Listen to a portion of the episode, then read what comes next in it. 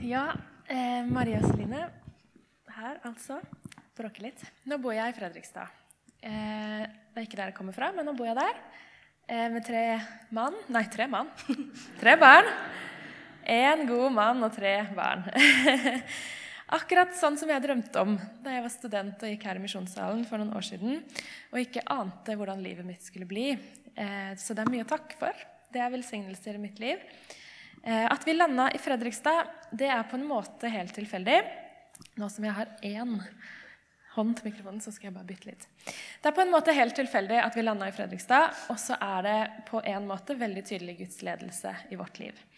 Og det henger ganske tett sammen med temaet som vi skal snakke om her i dag, om eh, å vitne.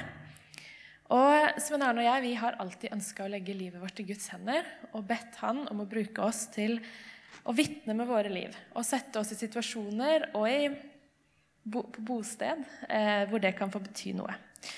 Så det helt superkort fortalt førte det oss til Fredrikstad. Der bor vi nå. Eh, der bor det også en del andre fine folk som har opplevd akkurat det samme som oss. Å bli kalt til Fredrikstad. Og det gjør det jo også litt ekstra spennende. Det gjør at vi har en litt ekstra stor bevissthet om å be, om å få bli brukt av Gud i den sammenhengen vi er i der. Og så ser vi også at det skjer veldig spennende ting. Vi ser ungdommer som tar imot Jesus i nettverket rundt oss. Vi ser eldre folk som kommer og oppsøker oss som er kristne, og merker rett og slett at Gud har noen ting han har lyst til å gjøre i Fredrikstad-området akkurat nå. Og Det er så spennende å være med på. Og Jeg har lyst til å bare dele det med dere som inspirasjon. Jeg har lyst til å oppfordre dere til å være med og be for det. Og hvis du lurer på hvor du skal studere neste år, så har jeg lyst til å si velkommen til Fredrikstad. Eller hvis du har lyst til å begynne å jobbe i Fredrikstad. Det trengs flere hender og villige ører og varme hjerter blant ungdommene der og i den relativt nyoppstarta menigheten som, eh, som, jeg er en del av der, og vi er en del av der. Og så fins det flere av oss som har lyst til å ta, ta, deg varmt imot. da. Så hvis du kommer til Fredrikstad, si fra. Så skal jeg invitere deg på middag både 1 og 15 ganger. Eh, jeg jobber på NLM VGS i byen der. Sjøl har jeg gått på en NLM VGS. Det var en internatskole. Dette er noe helt annet. Dette er en dagskole midt i sentrum i Fredrikstad. All slags fine ungdommer. Veldig få kristne ungdommer. Superspennende å få lov å være der. En jobbhverdag som jeg elsker.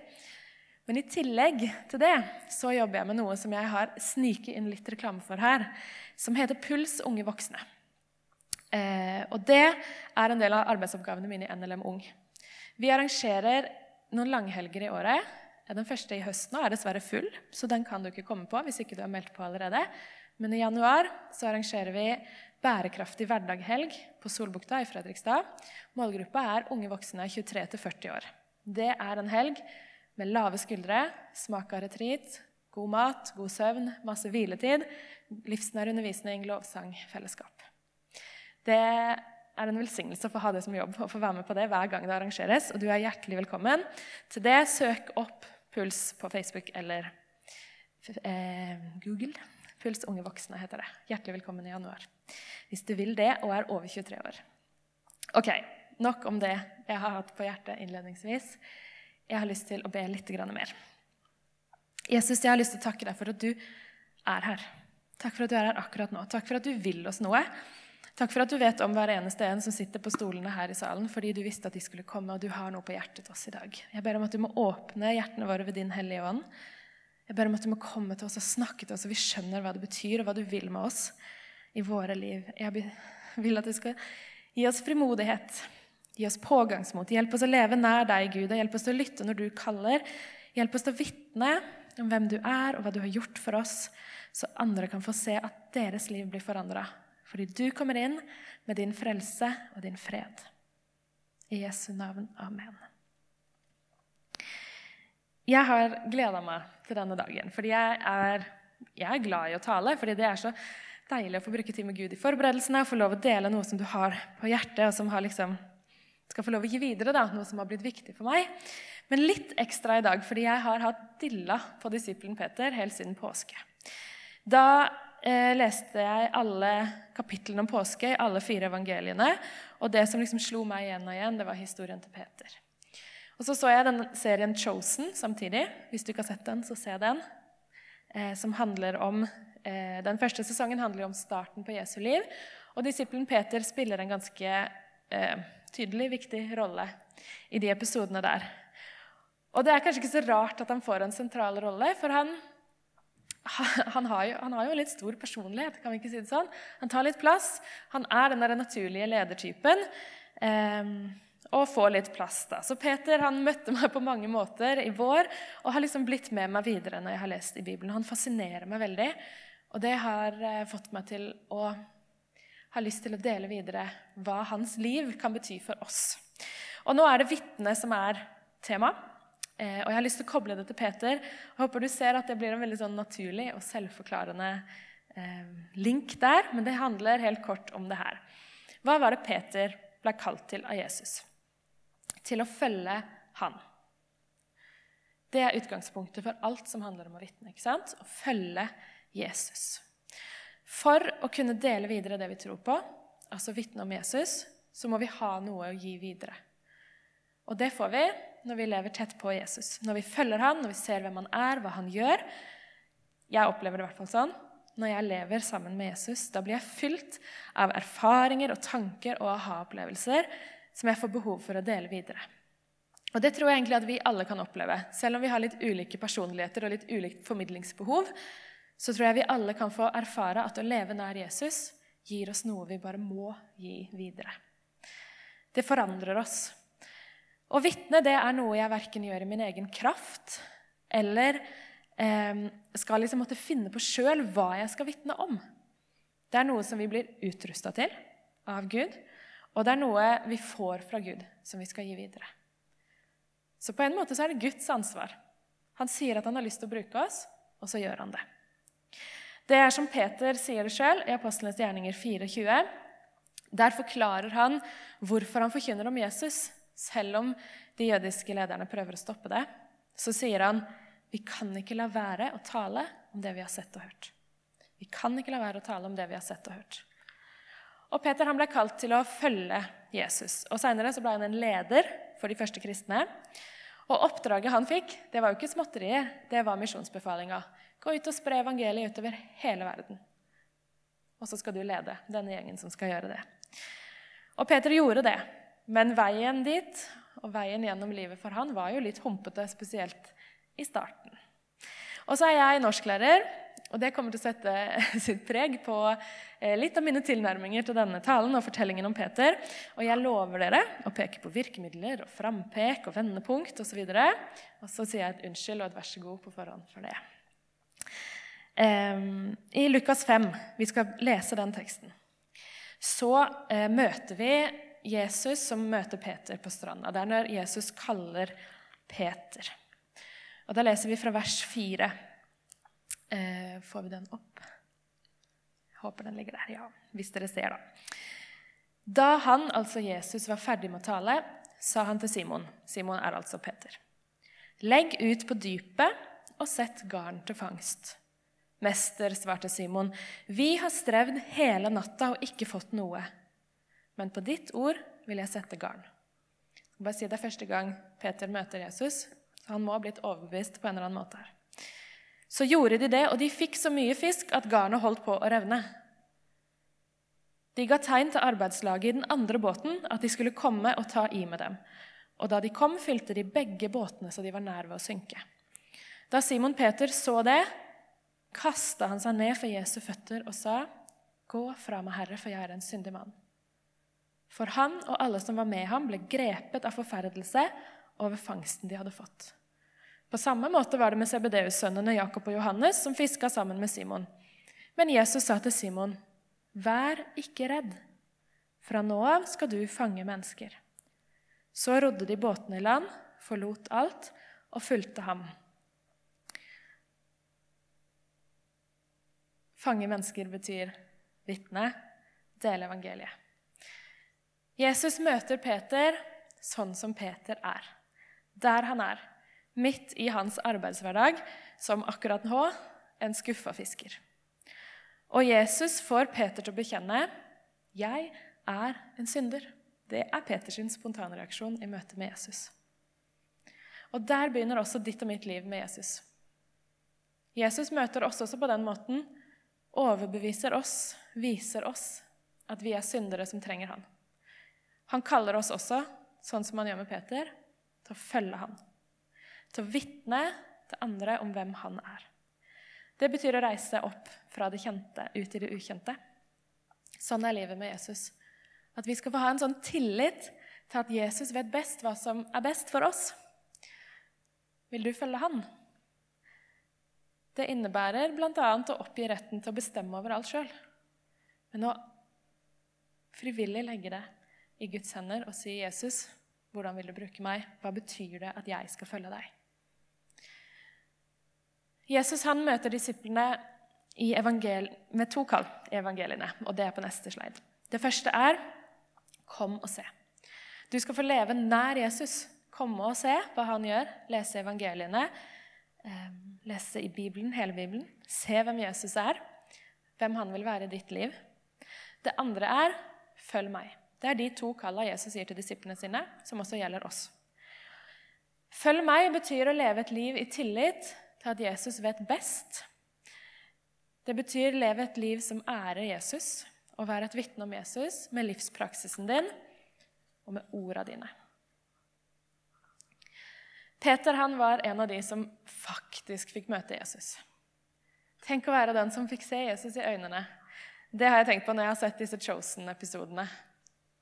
Jeg vet ikke om Jesus var akkurat sånn som han som spiller Jesus der, men tenk å få se inn i blikket til Gud, den kjærlige Gud som elsker oss. Tenk at Peter han fikk lov å oppleve det, helt på ekte. Han fikk møte Jesus, bli avslørt av Jesus og få lov å følge ham. Og Den Jesus møter Peter, og han kaller Peter akkurat sånn som Peter er, med den personligheten han er, til å følge han. Og Peter han er han med de store orda. Han som tar plass. Jeg ser for meg at Han må ha vært en sånn som snakka høyt, og som elska å få oppmerksomhet. Han går høyt ut. Og han bekjenner hvor mye Jesus betyr for han. Han er villig til å gå i døden for han. Det er store ord. Han bekjenner hvor mye Jesus betyr for han, men når det virkelig strammer seg til, så er det han som går høyest ut, som faller dypest.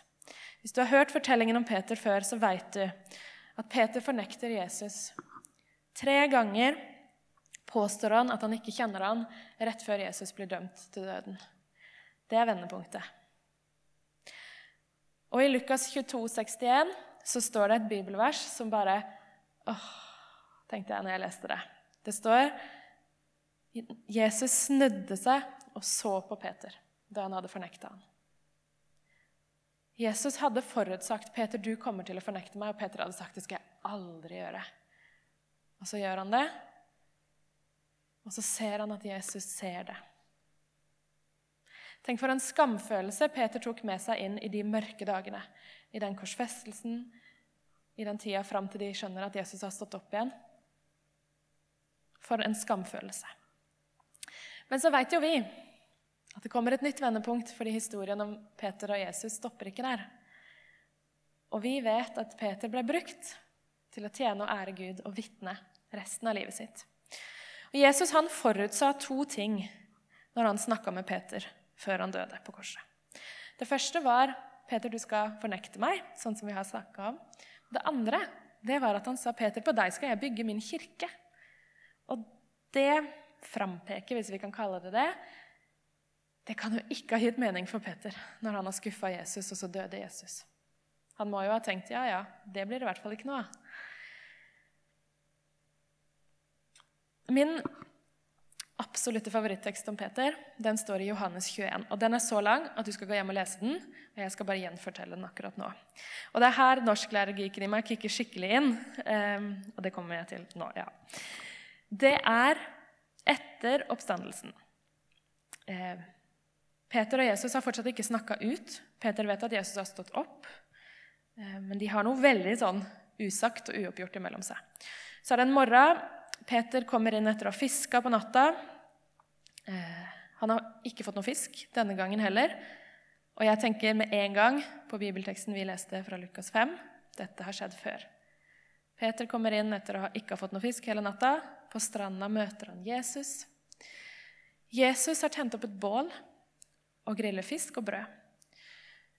Og jeg tenker, Hvis jeg hadde vært Peter, da, eller hvis Peter hadde vært meg, så hadde jeg assosiert den bållukta med en annen gang Peter sto rundt bålet for noen dager siden.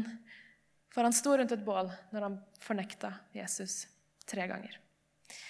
Nå står han ved et bål, møter Jesus på nytt, og tre ganger spør Jesus, 'Peter, elsker du meg?'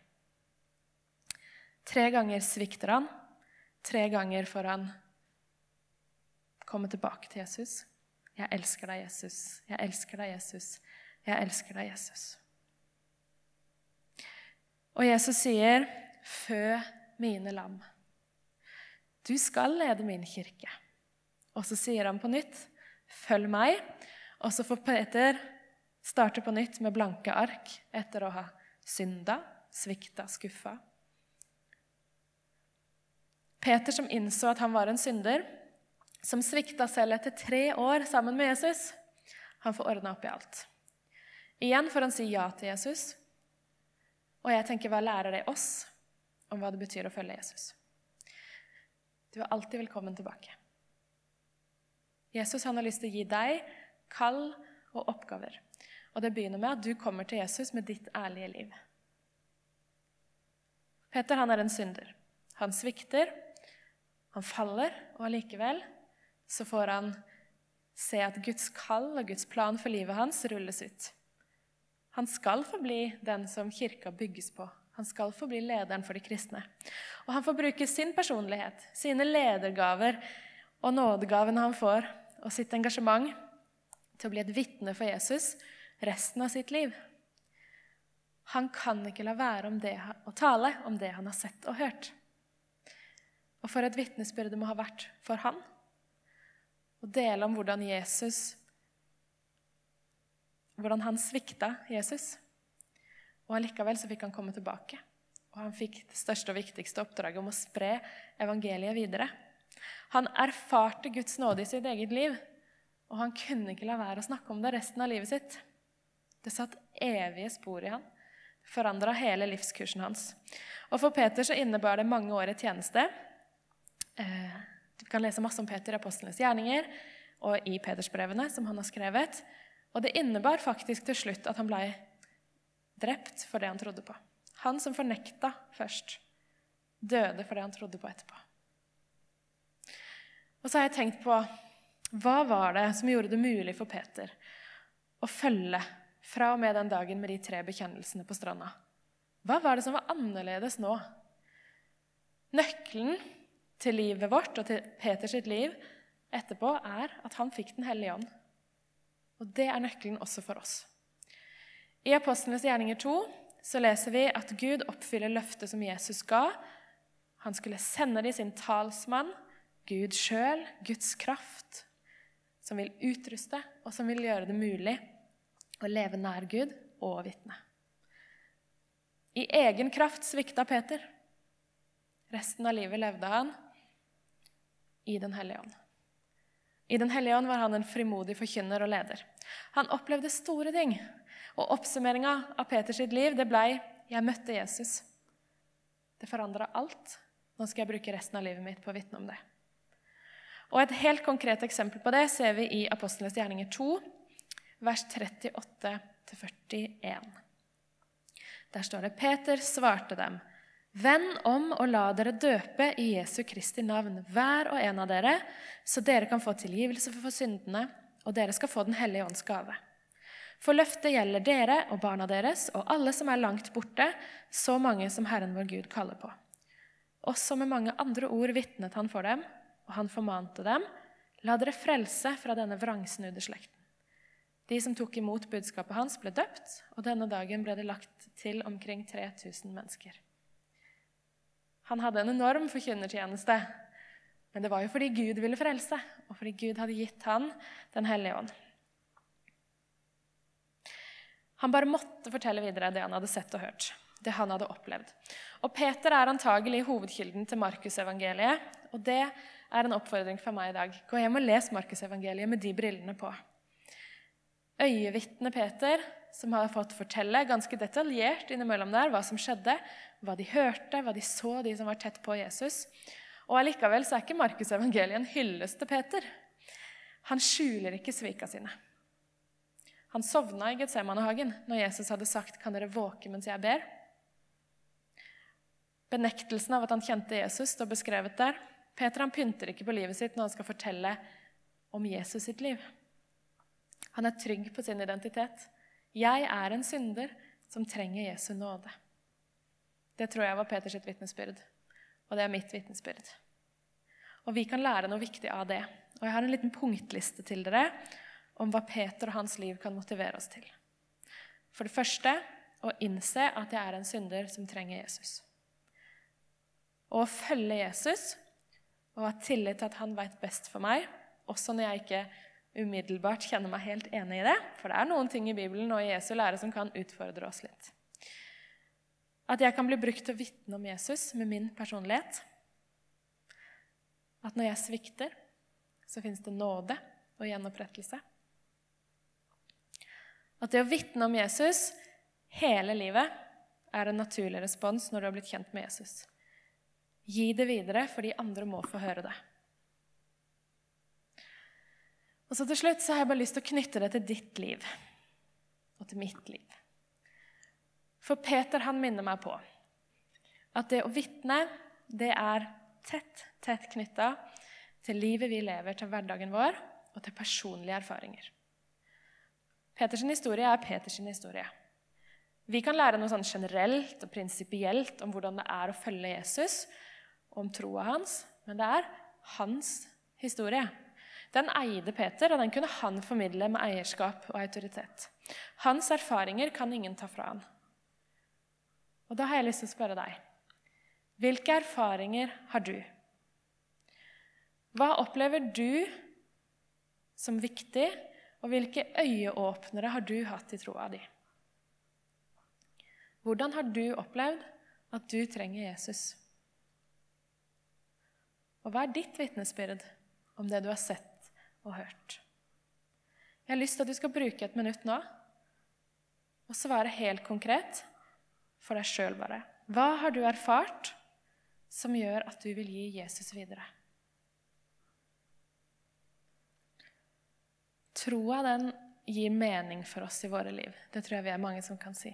Det er noe vi erfarer like mye som det er noe vi tror på med hodet vårt. Og det kan vi gi videre. Og det kan vi vitne om. Og Jeg har bare lyst til å oppmuntre deg til å være frimodig. Til å vite at det som er ditt, det som du opplever med Jesus, det som har blitt stort og viktig for deg, når du leser i Bibelen, eller som har skjedd i livet ditt. Det er verdt å gi det videre. Det betyr noe å høre ditt vitnesbyrd. Noen trenger å høre ditt vitnesbyrd. I bibelgruppa mi i fjor så brukte vi ganske mye tid på at hver og en av oss fikk lov å fortelle vår troshistorie for hverandre. Og Da ble vi bedre kjent med hverandre, for troshistorie og livshistorie det henger jo sammen. Men vi ble også bedre kjent med Gud av det. For vi fikk se hva som har vært viktig for oss. Vi fikk se litt lengre linjer i livet. Vi fikk se hvordan Gud har leda, og hvordan Gud har trøsta og båret. Så det anbefaler jeg bare så veldig å ta initiativ til å gjøre det hvis du går i ei bibelgruppe. Sett av tid til å dele troshistorie. For som Peter så kan jeg bekjenne at å møte Jesus det har forandra livet mitt. Og da blir det min bønn at jeg alltid må få kjenne på den lengselen den lengselen etter å fortsette å dele det som jeg har sett, og det som jeg har hørt. Og så har vi Den hellige ånd. Vi har utrustninga vi trenger. Vi kan få gå i frimodighet. Verden trenger Jesus. Og hvis du har møtt han, så må du være med å gi han videre. Amen.